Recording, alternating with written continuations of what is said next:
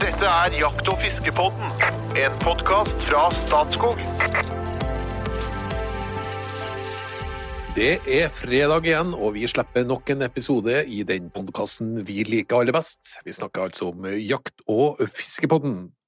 Det er en podkast som rett og slett handler om meninga med livet. Du hører nå den klangfulle røsten til Statskogs kommunikasjonssjef.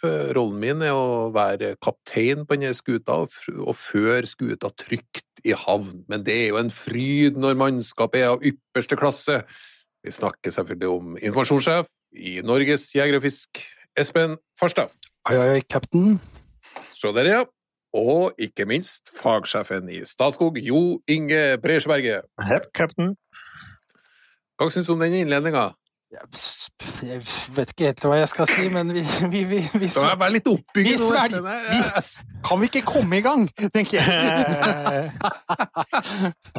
Nei, jeg syns det var fint. Jeg syns du er flink, jeg, Drongen. Ja. Takk, takk skal du ha, Jo Inge. Jeg syns du er flink òg. Det Bare hyggelig. Og det finnes jo eventyrlig mye podkaster, og mange spesialiserer seg i den ene og andre retninga. Det finnes jo også mange på villmarksliv og jakt og på fiske. Det er kanskje ingen som er både på jakt og fiske, sånn som vi er. Litt sånn som Norges jeger- og fiskeforbund. For de går både på jakt og fiske. Sånn er det ikke i alle land. Nei, vi er, vi er omtrent et av de få ja, Det er mulig det er et annet land, jeg er litt usikker, men, eh, men alle andre steder så er det skilt ut i egne jegerorganisasjoner og fiskerorganisasjoner. Altså, I Sverige så har du svenske sportsfiskerne og svenske jegerforbundet. I Danmark er det Danmarks jegerforbund og Danmarks sportsfiskerforbund osv. Så videre. sånn er det overalt. Eh, Og vi syns jo det at eh, de, de er så dumme, de andre, som ikke har skjønt det virkelige clouet her. Ja, det handler jo om å forvalte natur på en riktig måte, og høste av naturen der hvor det er mulig. Om du bruker rifle eller fiskestang spiller da ingen rolle. Og samtidig er det ikke noen motsetninger heller. Altså, de fle- I Norge i hvert fall, de fleste jegere fisker jo litt, eller fisker mye.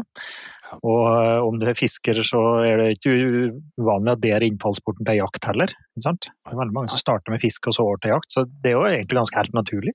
Mm. Kulturbærere, er ikke det vi har pratet om? Det er- I all, aller høyeste grad. Nei, men da har vi slått fast at vi snakker om meninga med livet, og at vi er blant de svært få i verden som gjør det på rett måte. Ja. Eh, Herre går herre, Jeg føler at denne episoden blir en av de bedre. The chosen one. Ja. Ja, og nå skal vi egentlig ikke sant, Nå er vi på forsommeren. Vi går inn i en periode der fiskinga er virkelig sentrum. Men eh, så har vi litt sånn Vi har øye på, på jaktperioden som vi vet kommer til høsten. Og da er det om å gjøre at du ikke plukker frem et utstyr som har borti mye dårligere, for du ikke har behandla på rett måte. Så vi skal snakke litt om hvordan du tar vare på våpnene dine.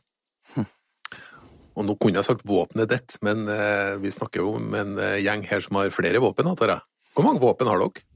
Det er kanskje skummelt å si på lufta, men eh, Opptil flere. Ja. Nei, ett eller to siffer. ja, jo, I Inge. opptil flere, ja. Ok, vi tar den. Espen? Nei, jeg, har, jeg er ikke så veldig avansert på det. Jeg har eh, en, en rifle 308 som jeg bruker eh, som, eh, til riflejakta, og så har jeg ei hagle som jeg bruker til haglejakta. Og så har jeg litt salong og litt sånn småplukk ved siden av, men i bunn og grunn så er jeg veldig nøktern på antall våpen, ja. Mm. Men du som heter Espen Michael Farstad og har eh, engelsk mor, har du sånn side by side hagle? Nei, det har jeg ikke. Jeg har en over-under beretta, så veldig Ja. tradisjonell Det, der. det hadde kledd deg, Espen. Tror det Med en hadde det. sidelegger?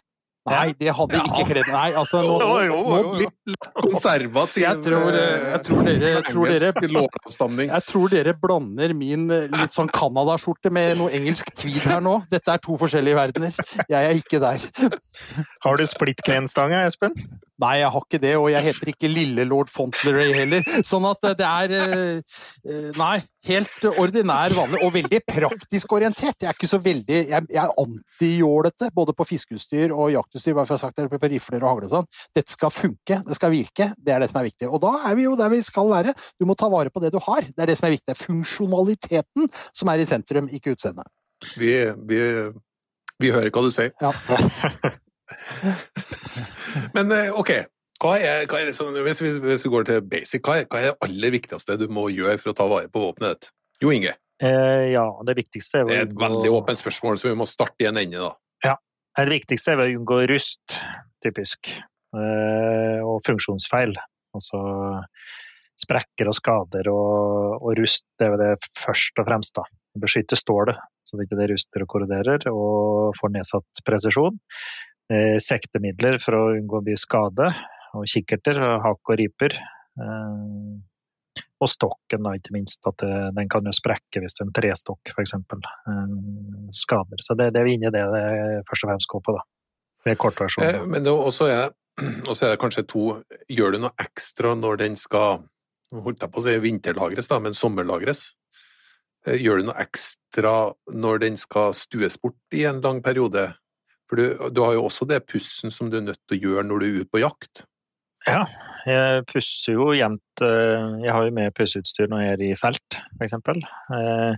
For Ja, hvor, ofte, hvor, ofte pusser du, hvor ofte pusser du, Inge? Nei, det, det er jo i prinsippet så pusser jeg etter hver gang. Eh, Jeg drev med baneskuting, og da lærte vi at vi pusser etter hver gang.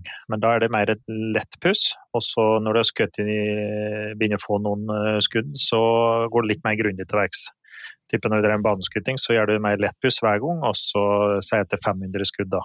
Men for en vanlig jeger så er det ganske mye, 500 skudd. Så da blir det typisk at jeg pusser eh, jaktbæsjen eh, forholdsvis grundig eh, innimellom, og så drar igjennom etter hver tur. Og det viktigste er å tørke våpenet så at det er tært. Det er jo fryktelig fort at det fuktig når du kommer inn igjen. Så du jakter utover høsten litt dårlig vær, skiftende vær, og ikke minst skiftende temperaturer.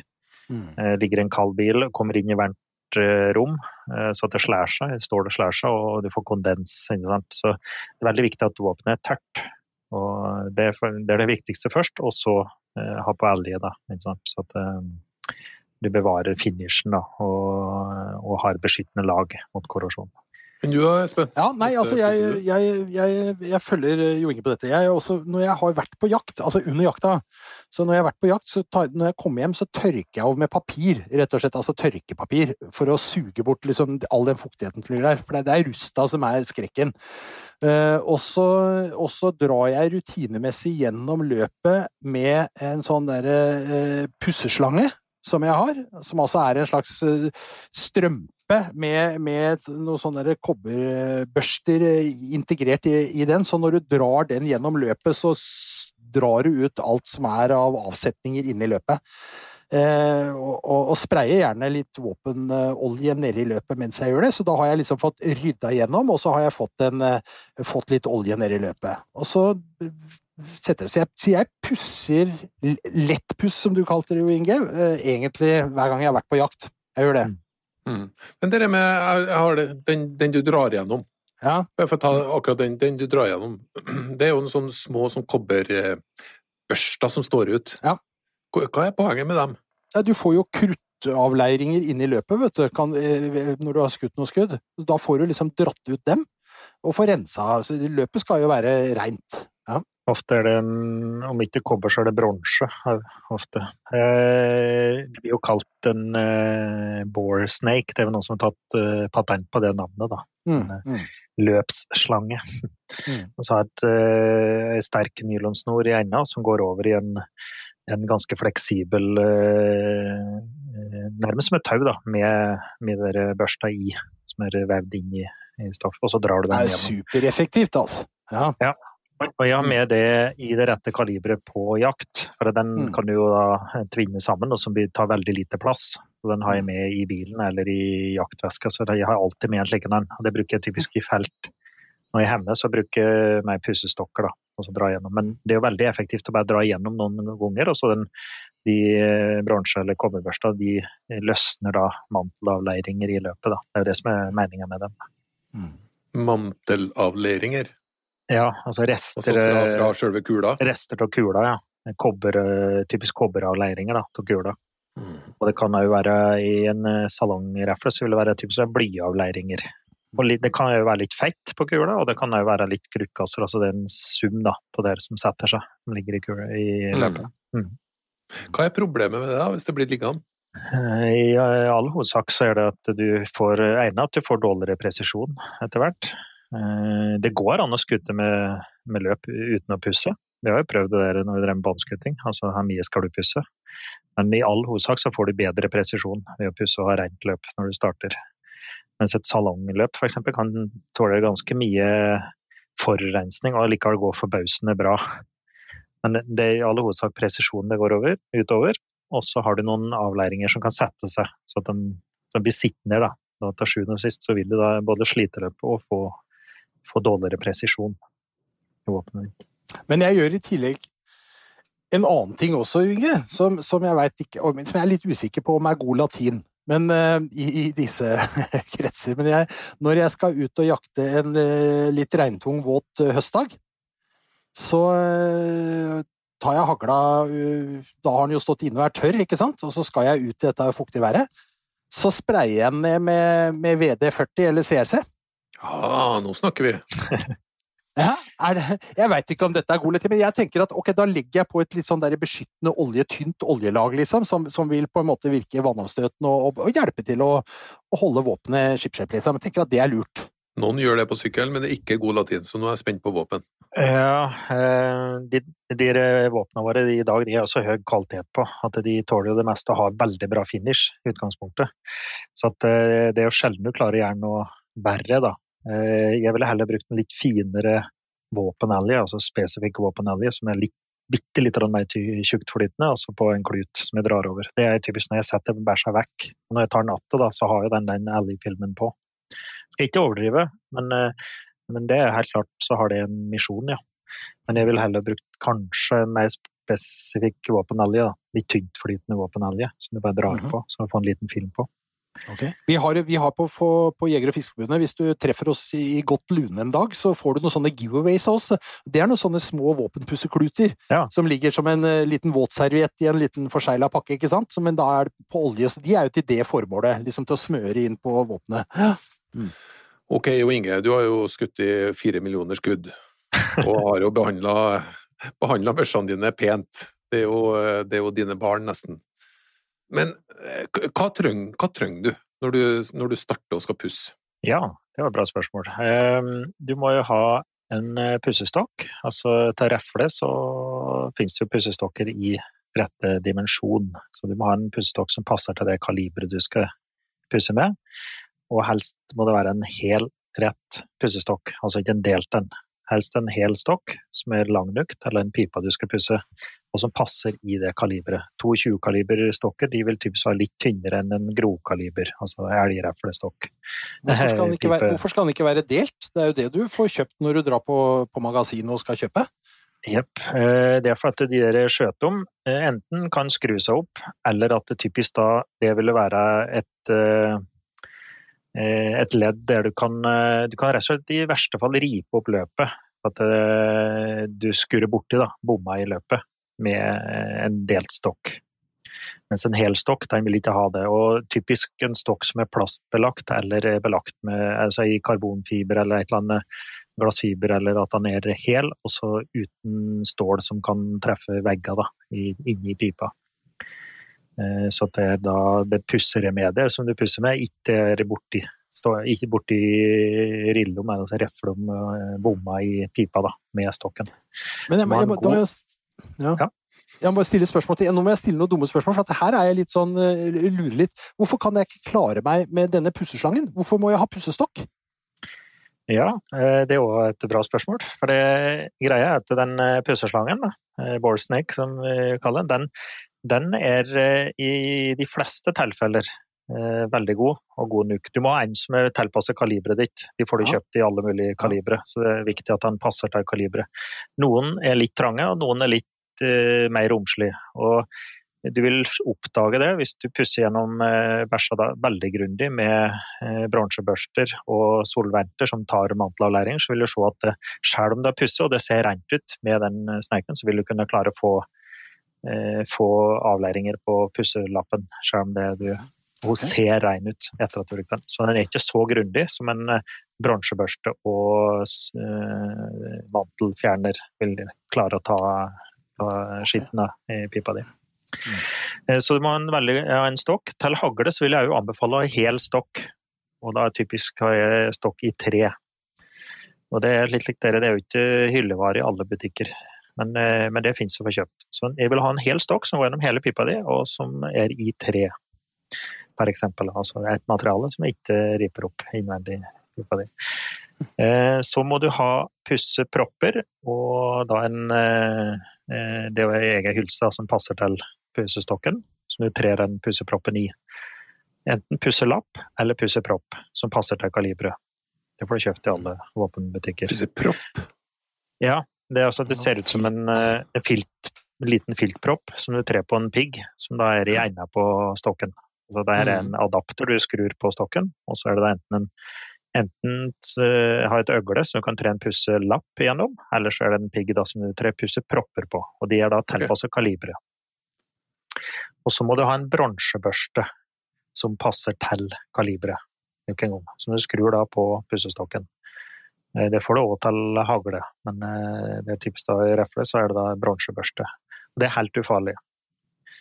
Så det er det du må ha. Og så må du ha ei skjefteolje og ei god tyntflytende våpenolje. Også en mantelfjerner. Det er typisk det beste i dag er skum. Eh, pusset skum som du sprayer inn i, løpet. Det er det du må ha.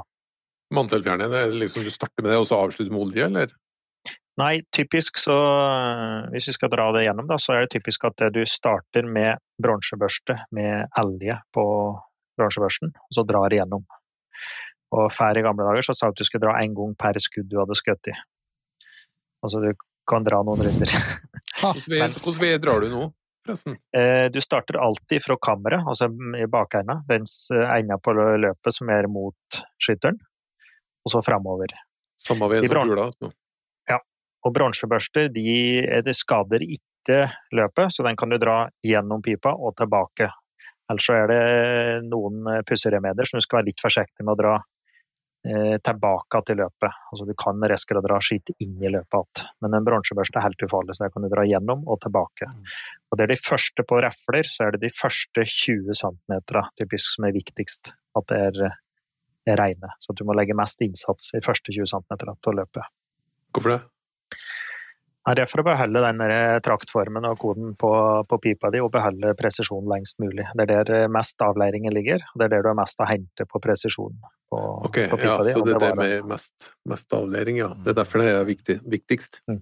Mm. Mm. Og, og i andre enda, da, det kaller vi kroninga på ei refleløp, så er det viktig at du ikke skader den. Det ligger, det ligger mye til presisjonen. At den kroninga, altså avslutningen på pipa, er slik den er når den kommer ifra fabrikk. At den, du beholder den, og beholder fasongen, og ikke gjør, eh, skader den. Mm. Så, så det, lette, vi... det lette vedlikeholdet av reflepipe er da typisk eh, fem-ti ganger med en bransjebørste og elje på, og så tærpusse med, med filler eller propp. Det er det lette vedlikeholdet. Men, men, vi snakker hele tida om løpet. Hva med mekanismen? ikke sant? Hva med sikringen? Hva med, med all annen altså, Det er mye greier, på, på, i hvert fall på rifle, og ja, hagle òg, for så vidt. Der du har spraya, Espen? No. Ja, jeg tenkte, ja, fordi jeg har den der vonde historien ja, det, dette, er, ja, dette er en fæl historie. Altså, dette er ikke morsomt engang. For jeg sto på skytebanen, jo, men jeg sto på skytebanen, og så, og så roper jeg opp ei leirdue. Og så er jeg oppe i anlegg og trekker av, og så skjer det ingenting. Og så eh, ble jeg stående litt sånn, tenker at er det sikringen at jeg, Det hender jo, har jo hendt noe hver at du har glemt å skyve fram sikringen, men jeg hadde gjort det. Eh, og så tar jeg rifla ned, eh, og, og, og, så sitter jo liksom sikkerhetsdrillen i kroppen. altså Heldigvis, og jeg bare pekte fram på bunkersen, ikke sant. Og så plutselig går skuddet av. Oi. Altså ti sekunder etter at jeg egentlig har trukket av. Livsfarlig situasjon, ikke sant? Altså, du, du kjenner at, uh, du, kjenner at du blir kald over hele kroppen, ikke sant? Du blir helt, jeg ble helt satt ut, og, og, og brekker hagla og går av banen. Og, og veit ikke helt hva jeg skal gjøre. Så, og så fikk jeg litt hjelp av uh, en dreven kar på banen der som, som, Vi dro hjem til han og demonterte og åpna og kikka sånn. Og så var det altså mye Vi snakker mye olje sausa inn i en gammel sånn oljesaus inni i tennstiftløsning, liksom. Som til slutt var blitt så seig at tennstiften slår ikke ut, liksom. Og så hadde den liksom Den var jo spent opp, ikke sant, så den plutselig så kom den, da. Og det var fordi at jeg, i min godtroenhet når jeg hadde pussa hagla 100 ganger, ikke sant, hadde holdt på, så hadde jeg alltid litt sånn våpenolje sånn på spray som jeg spraya ned i løpet og dro gjennom den snekbarna. Spraya alltid litt inn i tennstiftene, for jeg tenkte at her er det jo viktig at det er godt smørt, tenkte jeg. Men da hadde jeg jo fylt kammeret med olje, ikke sant, som etter hvert ble gammel og seig, så, så dette skal man ikke gjøre!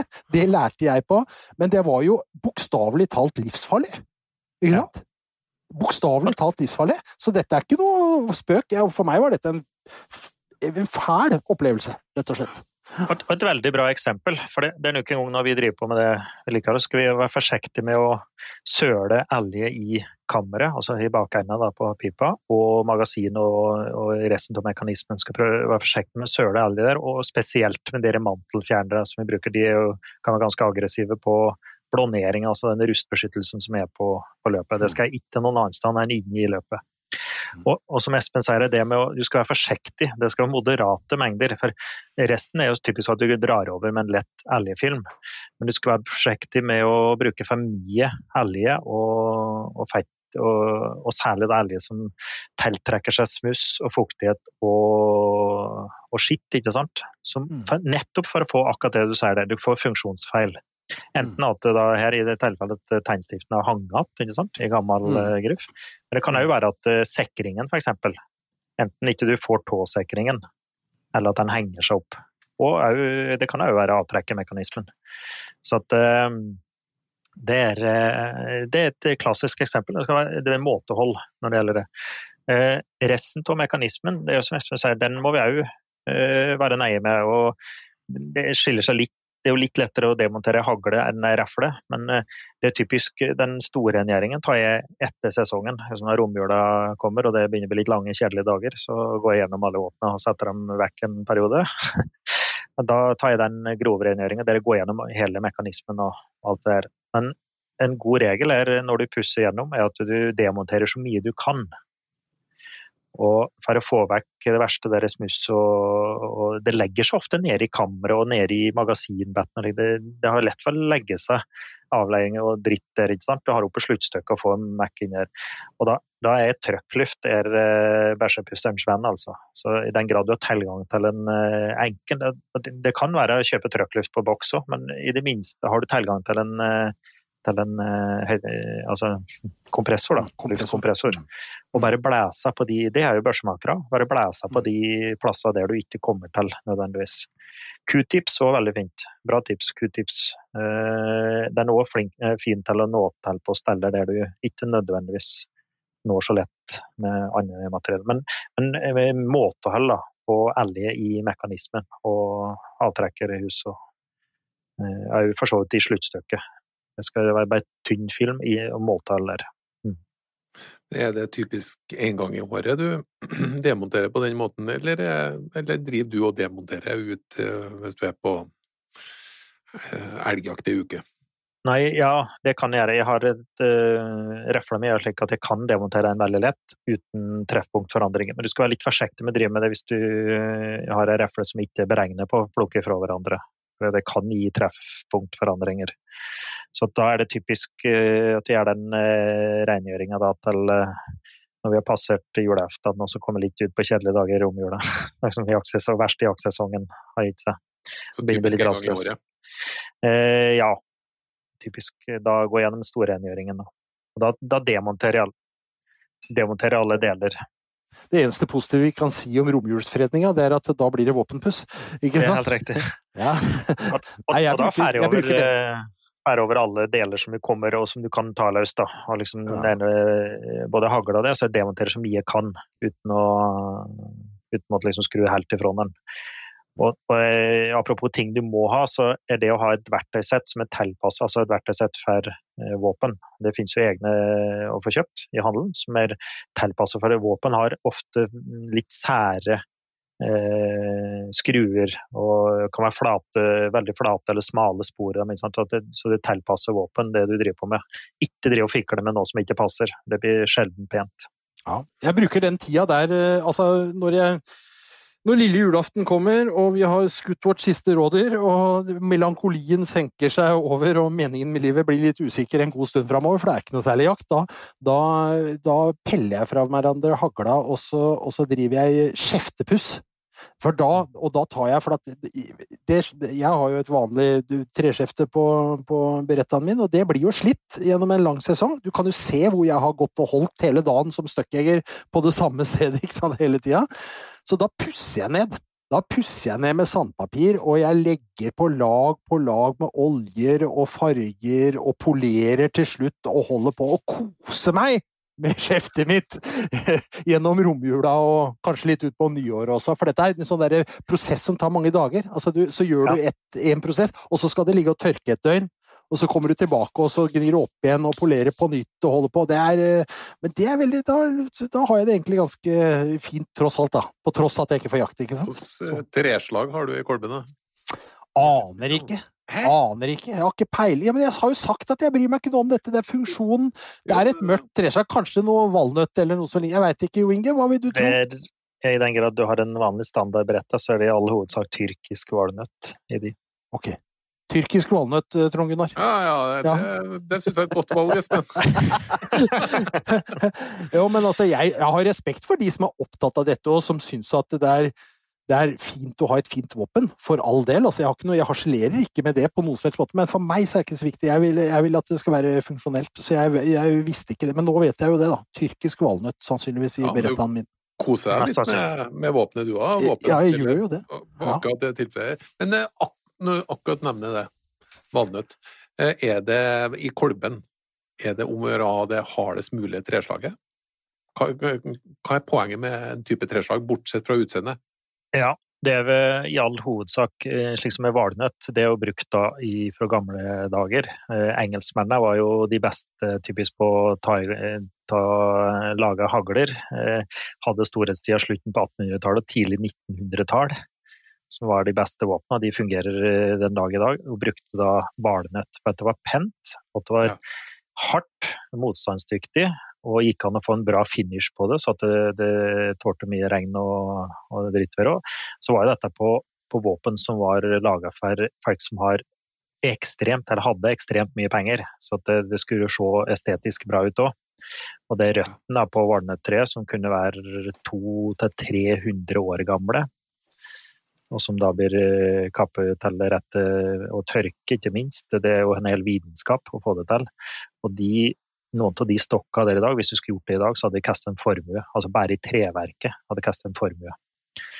Eh, så det var det en kombinasjon. At det var tilgjengelig der engelskmennene var eh, og hadde vært rundt omkring og handle. Og at det var veldig pent. Og så var motstandsdyktig og hardt. Så det er en kombinasjon. Men, men der, der, har vi jo Og nå ytterpunktet andre veien, da, vet du, Inge. Det er jo å kjøpe seg en eh, en eh, rifle, liksom, med, med, rustfritt stål i løpet og, og syntetisk stokk. Ja, gud forbi. Men Ja, gud forbi? Nei, det er jo langt ifra. Her er jeg. Det, jeg ønsker meg det på, på, på rifla mi. Ja. Og det, og det, er klart det har blitt veldig populært. Og det er fryktelig mange mm, våpen i dag selges jo med syntetiske stokker. altså type Nå sier at det er noen blandinger, da type glassfiber eller plast, forskjellige plastlegeringer. Og, mm. eh, og laminatstokker for den del, som er mer motstandsdyktig motstandsdyktige enn en ren trestokk. Pluss det faktum at eh, det å få tak i veldig fin eh, valnøtt i dag er, eh, det er en sjelden vare. da, og det, mm. det, kaster enorme summer bare å få tak i de skikkelig gode bitene. I dag. Så det har gjort at skal du få holde kostnaden nede, så da må du ha andre materialer. Og da er det klart at kunstige materialer er er mye billigere. Er det er jo litt, litt, avhengig av bruken også, da, jo Inge. Det er klart for deg som ligger inne på Innlandet hvor det nesten aldri regner, i forhold til en vestlending som skal ligge langs kysten og jakte sel. Det er, det er litt ikke sant? tett på saltvann og, og, og fuktige forhold. Ja, altså, ja. Gamle, gamle sjøfugljegere på Sørlandet de, de brukte mønjemaling på haglene ja. sine, ikke sant? For at de ikke skulle ruste der. Og for de lå jo fast i båten, ikke sant? så at de alltid kunne smekke ned en eh, ærfugl hvis han kom forbi, liksom. Så ja, det, er bruke, det er litt med behov òg, da. Ja. ja, det er det. Og, og, det er klart det rustfrie våpen er jo ikke rustfri. Det er jo en behandling, en uh, ytebehandling, da, som, som, skal være mer motstandsdyktig mot rust. Men det er jo slettes ikke rustfri. Det er de ikke. Vi lager ikke våpen i rustfritt stål, det går ikke. Men, men, eh, men, en ting som jeg har lurt på, sånn, altså, så setter vi bort, så setter vi bort våpenet for vinteren. Og typisk så setter vi jo da, det skal jo være i våpenskap, og våpenskapet det står jo typisk nede i kjelleren et eller annet sted, ikke sant? Forhåpentligvis bolta fast i veggen, veggen og, og, alt er skikkelig, men ofte også kanskje utsatt for litt fukt. Mm. Eh, kan eller være fuktigere miljø enn det du har i en oppvarma stue, ikke sant. Eh, er det noe råd her? Går det an å putte silikaposer i skapet, eller hva, liksom, er det noe tips i det hele tatt rundt det, Jo Inge? Ja, eh, for det første så ville jeg ikke hatt det i kjelleren hvis jeg vet at den er fuktigere enn ellers. Det ville jeg ikke gjort. Og prøve å unngå de store temperaturforskjellene. Det kan det jo være i en kjeller, men av stabil temperatur. Og så er det, silika eller lignende tørkemidler, eh, type boller eller å få kjøpt, som, som, drar ut fuktigheten, som fungerer helt utmerket. Mm -hmm. Jeg rapper alltid de der som er med når jeg kjøper klær til unger, så dukker det opp like silikaposer i ja. samme når du får kjøpt. Så tar jeg bare bytte ut de med jevne mellomrom og har det stående i. Og det fungerer helt utmerket. Det mm. trekker vekk den uh, fuktigheten. Så jeg har ikke opplevd det, men uh, det er som sier, prøve å unngå temperaturforskjeller og unngå uh, fukt, da, selvfølgelig. Mm. Mm. Når, du, når, du, har det, det storrengjøringa på våpenet ja. Nå var vi vel enige om at å ha store mengder olje inni mekanismen er ikke, ikke gunstig. Men bør det, så legger du på et ekstra lag med olje når den skal stå lenge i løpet og, og utapå den, både på stålet og på kolben, eller tørker du av? Ja, eh, det er òg litt forskjellig praksis. Eh, slik som jeg driver med, drev med baneskuting og skulle skute jevnt, da, altså type jeg drev med to, tre, fire ganger i uka, da tærpusser vi så at det løper tært, og så er det bare ytebehandlingen som du har på litt elge de banevåpnene er så motstandsdyktige at det skal mye til av de ruster. De er helt ekstrem finish på. Mens på et jaktvåpen, eh, når jeg pusser det, så, så legger jeg alltid en tynn elgfilm inni løpet og utapå, da. Eh, så, så, det er innsatt med elg. Så når jeg tar det ut igjen og skal ut på jakt, så er det en eh, liten elgfilm i det. Jeg skal ikke overdrive inni løpet, da, så det, når du setter det i våpenskapet, så renner det ned i mekanismen, som Espen prater om. Og Det vil du også oppleve hvis du overdriver. Så renner det ned, og så treffer det da til sjuende og sist i tegnstifthellet og, og vil kunne påvirke mekanismen, f.eks. på hagla di. Og så kan jeg være klar at på hvis du drev konkurranseskuting, og så har du elg i løpet. Første skuddet setter den eh, annerledes enn de resterende skuddene når du skutter vekk elgen. Det, det, er litt annen friksjon i løpet på det første skuddet. Så du, vil, du kan ikke reise rett på en konkurranse og så skute med elg i løpet. Da vil du kunne sette det skuddet annerledes enn de neste. Ikke så lurt. Så da tærpusser du før du skutter. Men på jakt så vil vil det ha så liten ja, I aller fleste tilfeller vil det bety så lite at det, det gjør ingenting. Ok, men så har vi også kikkertsikte. Det, ja. Er det bare å putte i, putte i skuffa, eller skal det behandles og oppbevares på noen spesiell måte? Nei, for all del. Eh, kommer jo alle varianter og prisklasser. Eh, de dyreste Det har jeg faktisk òg hørt. Ja.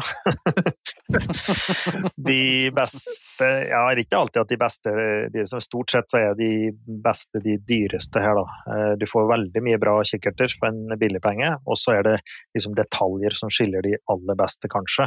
Og som regel sånn. Sett noe tall på nå, så vi forstår. Nei, men det er type 15 til 30, over 30 000 på de aller beste. Og da begynner det liksom å bli mye penger, da. Eh, og det er klart, da må du behandle det deretter. For det, det, som gjør at de beste kikkertene er veldig gode, er at de har uh, veldig god altså coating. Altså de har et belegg. Det ene er at linsen er veldig god og slipper inn mye lys og gir veldig god farvegjengivelse og alt det der. Det andre er at de er beskyttet. Eh, type jeg vet ikke get ord på coating, men en slags belegg da, eh, som som beskytter eh, linsene under, optikken under. Og på de aller beste kikkertene i dag, så er den coatingen så bra at du faktisk bare kan skjelje av kikkerten i vann, og så, eh, så bare preller eh, støv og skitten av. Men for all del ikke bruke grove pussemidler og, og grovt papir eller grove skjorteermer eller en blaut vett eller altså Det skal være pussemidler som er egnet for det. Altså veldig mjukt papir eller uh, type for å nordere felt. Og nede inne så har jeg, de fleste kikkertprodusenter har egne eller pussesett. Så jeg blæser ofte av med ren luft, og så bruker en veldig fin børste, altså type en hårbørste, til å vippe vekk støv og skitt. Og så har du med en rensevæske, type à la det du har på briller, som du har på en klut. Så har du rensevæske på kluten, og så kluten på, og tar å eh, pusse rein linsa. Da. Ikke, ikke, rett på linsa, men ha på kluten, og så kluten på linsa. Eh, det er viktig. Og det er viktig å unngå støt og slag. Og òg tenke på når du tar Eh, hvis du jakter på vinteren, som òg en del av oss gjør, eh, fryktelig kaldt, eh, har ei veldig kald røfle og kikkertsekte, og så tar den rett inn i varmen når du kommer hjem igjen, så vil jo stålet og legeringen, det er jo typisk aluminiumslegeringer i det røret, men de vil da utvide seg og vil, vil sette store påfrestninger på gummitettinger og det, det som tetter Dessverre er er fylt med gass, typisk nitrogengass. Det vil sette store påfrestninger på eh, tettingen i det her. Når du tar den, en veldig kald en, bærer den inn i varmt, eh, et varmt rom, f.eks. Det skal en tenke på. Akklimatisere dem, i prinsippet. Uh, og så har de justeringsdeksler, som justerer høyde og side. Og noen har òg parallakse og, og forskjellige høyde uh, skruer, justeringsskruer. De skal òg sitte på de beskyttelseslekkene der for å unngå at det du justerer på kikkerten ut av sikte. Hvis du er på skytebanen, så tar du de for å skru på kikkerten, og glemmer å skru den på igjen. Så det veldig fort at du kan justere kikkerten, at du er borti de skruene. Mm. Så, så, vi skal være forsiktige med det. Og behandle Men, jeg må jo spørre, selvfølgelig, siden du snakker om den akklimatiseringa, er, eh, er, det så viktig at man kanskje burde ha hatt eh, i en pose hvis du kommer fra iskald luft til varm hytte, f.eks.? For å unngå ja. kondenseringa rett på, eller? Ja, eller eh, vi skal ikke overdrive. Jeg gjør et men, forsøk her nå på å bidra. Ja, vi skal ikke overdrive, men eh, greia er at du kan ha det i futteral, f.eks. Det vil da hjelpe på. Mm. Den akklimatiseringen. Men type, si at det, vi er på toppjakt, da. Det er 20-30 kaldegrader ute, og bæsja er like kald. Og så har du fyrt opp i hytta, og der er det kanskje 20-30 varmegrader og så tar du den rett inn der, så vil det være et kjempeklimasjokk. Både for, eh, for bæsja di og for kikkerten. Da er det bedre å sette den i en gang som er kaldere først, f.eks., og akklimatisere den. Eh, Oppbevaringa, da, kikkertsiktet. For her, her, snakker vi om noe altså Hvis du bruker tre titusener på et kikkertsikte, da er det nok veldig bra. Det er veldig fintuna. Og hvis du dunker litt borti en stol når du setter fra deg et våpen, ja, hvordan oppbevarer du det når du ikke bruker det? Nei, det viktigste er å ha beskyttelse på det når du jakter. Eh, det er typisk vanlig å ha like eh, beskyttelsesdeksel som du kan flippe opp. De beste kikkerter, eller de dyreste kikkertene, har egne mekanismer på det i dag. Det er en flip-up, som vi kaller det. Eh, som du skrur eller fester på kikkerten, og så vipper du opp et lekk, og så er det kikkerten tilgjengelig. Så kan du vippe det ned for å beskytte kikkerten når du ikke bruker den eventuelt i gummi. Altså det, med, det og med beskyttelse når du kjøper den. Eh, den er viktig å bruke. Og som sier, når du, hvis du skulle få slag i rafla eller kikkerten, så er det en regel at de alltid skuter inn etterpå. Hvis det er et slag eller kakt og betydning, altså så det ikke, ikke bare så vidt er borte nå, men at du er eh, du får, Det får lite slag, så skut de inn rafla etterpå for å prøve. For det, det kan være en ukt at du setter den ut til stilling. Og jeg har opplevd det å døtte på jakt og ugrei kikkert med nesten en halv meter i sida.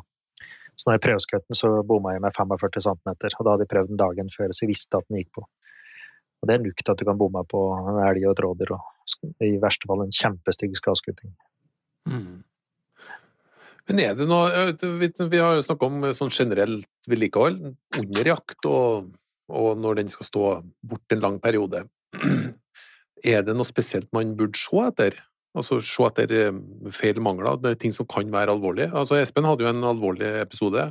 Eh, eh, Kanskje lett, lett å se hvis det var mye skit i, i mekanismene, og mye seig olje og sånt.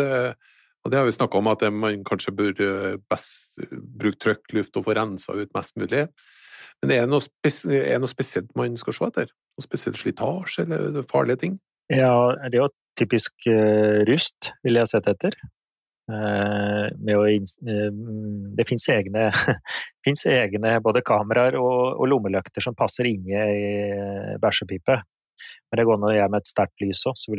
Hvis du har fått rust i løpet, så vil du se at det er groper i løpet. På refle så er det sikreste tegnet på at det her er noe galt, og at du vil få dårlig presisjon. Garantert du vil få grøpper, altså at rusta har da rett og slett uh, eti bort da, en liten del av stålet. Da vil du få dårlig presisjon i pipa di. Uh, det er én av dem. i hvert fall. Og da er du solgt. Ja, det, det kan være at hun duger fortsatt, at det er dugelig presisjon på, men i alle hovedsak så vil du da få veldig dårlig presisjon etter hvert. Og da går det an å bytte pipa, da, selvfølgelig. Men, men eh, ja, nei, jeg tenker at, jeg tenker at eh, eh, Konsentrer deg om å lage gode rutiner for våpenvedlikehold i felt, Mm. og liksom den der årlige gjennomgangen av rifle eller hagle, liksom. Men at du på en måte har gode rutiner, så konsentrerer du innsatsen om å forebygge denne situasjonen som vi snakker om. Og så tenker jeg at vi skal ikke være redd for å sette bort hagla eller rifla til en børsemaker heller. For en liten eh, gjennomgang. Altså Her er det fagfolk som kan dette, eh, og som, og som med et eh, raskt blikk ser hvor skoen trykker, og som gjør nødvendige tiltak og kommer med råd. Det, altså Vi setter bilen på service. Sjøl går jeg til legen fast en gang i året og sjekker blodtrykket, liksom. Og hvorfor ikke gjøre det samme våpenet? Med, ja, vi har sagt det før, det er det viktigste i livet. Dette må vi ta vare på. Det er et kjempebra tips, Espen. og Det er slik dere, det er børsmakere finner jo i hele landet. Veldig dyktige folk. Mm. Og de ser jo det med en gang. Og de har òg rette verktøy. I stedet for at du skal begynne å fikle og ødelegge noen ting hvis du ikke er kyndig og ikke har rette verktøy, så for all del, da reis inn med en børsmaker. Og Et klassisk eksempel på hagler er at du, de sjokktuben, denne innsnevringen som er i enden på pipa, Mm. at den ruster fast. At du ikke har den opp ofte nok, eller skrur den hardt, og at den ruster fast. Og Det kan være på høgde med å sveise den fast, altså. At du må ha spesialverktøy. I verste fall at du ikke får dem opp. Og da er det slik dere oppsøker en børsemaker. De har ekspertise på det. Og som du sier, å se enkle ting. Og det med å montere kikkertsekter. Når vi prater om en kikkertsekter til 20 000-30 000 kroner, i stedet for å fikle med det og lage belker i dem, det er typisk feilmontasje som ødelegger dere kikkertsektene. Så for all del, eh, bruk de pengene på en børsemaker som monterer dem for deg. En som kan det. Mm. Eh, litt det samme, det har vært veldig populært med lyddempere. ikke sant? De fleste riflejegere nå har jo faktisk lyddempere. Det samme der. Den skal demonteres etter hver gang du jakter, eh, og hver gang du har skutt med den. Eh, og demonteres. og Det er jo litt det samme der. Hvis du glemmer det, kan fort være at det den og du klarer å få den til å ruste fast. Sette seg fast på pipa.